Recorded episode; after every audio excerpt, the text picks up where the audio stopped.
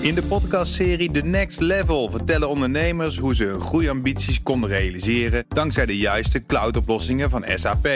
Wat waren de uitdagingen, de oplossingen en hoe ging de uiteindelijke implementatie? Benieuwd naar hun verhalen en hoe zij met behulp van SAP ook hun toekomstige ambities kunnen behalen? Luister de podcast The Next Level via de BNR-app of je favoriete podcast-app.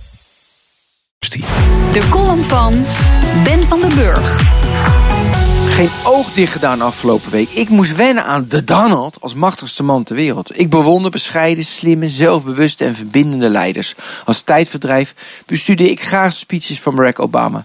Nu moeten we het met Trump doen als ons belangrijkste boegbeeld. Mijn abonnement op het YouTube-kanaal van de White House is inmiddels opgezegd. Een opvallende supporter van Donald Trump is Facebook boardmember en venture capitalist Peter Thiel. Trump mag dan de schrik van Silicon Valley zijn. Thiel is een trouwe fan. Om Trump te steunen stak hij zwak verhaal af op de Republikeinse conventie in juli. Terwijl ik de teksten van Thiel altijd zeer waardeer, leek hij de laatste maanden de weg totaal kwijt te zijn.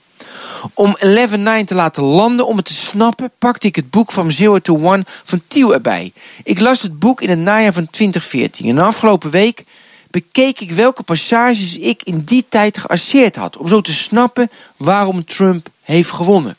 Op pagina 29 legt Thiel uit dat we in de start-up wereld vier principes kennen. Thiel verafschuwt deze principes en zet de principes van hemzelf daartegenover. De eerste gaat over het maken van kleine incrementele verbeteringen als je ergens aan werkt. En Thiel vindt dit onzin. Hij schrijft dat je beter met grof geschut risico's kunt nemen dan triviaal in de marge je activiteit ontplooien. En in de campagne bleek Trump inderdaad niet bang te zijn om risico's te nemen. Het tweede principe gaat over het klein en flexibel blijven, het nalaten van het maken van een plan. Volgens Thiel kun je beter een slecht plan hebben waar je in gelooft dan dat je geen plan hebt. Het leek alsof Trump geen plan had, maar dat had hij duidelijk wel. De blanke boze man aan zich binden. En deze blanke boze man heeft met het derde punt te maken. Je moet volgens Thiel niet de competitie aangaan, niet een percentage van de koek willen. Je moet juist een markt aanspreken die anderen niet bedienen. En dat is precies wat Trump deed met die blanke boze man. Tot slot papegaaien start-up fanboys elkaar na dat een goed product zichzelf verkoopt. Thiel zegt sales is net zo belangrijk als het product. En Trump verkocht zichzelf toch vrij aardig de afgelopen maanden.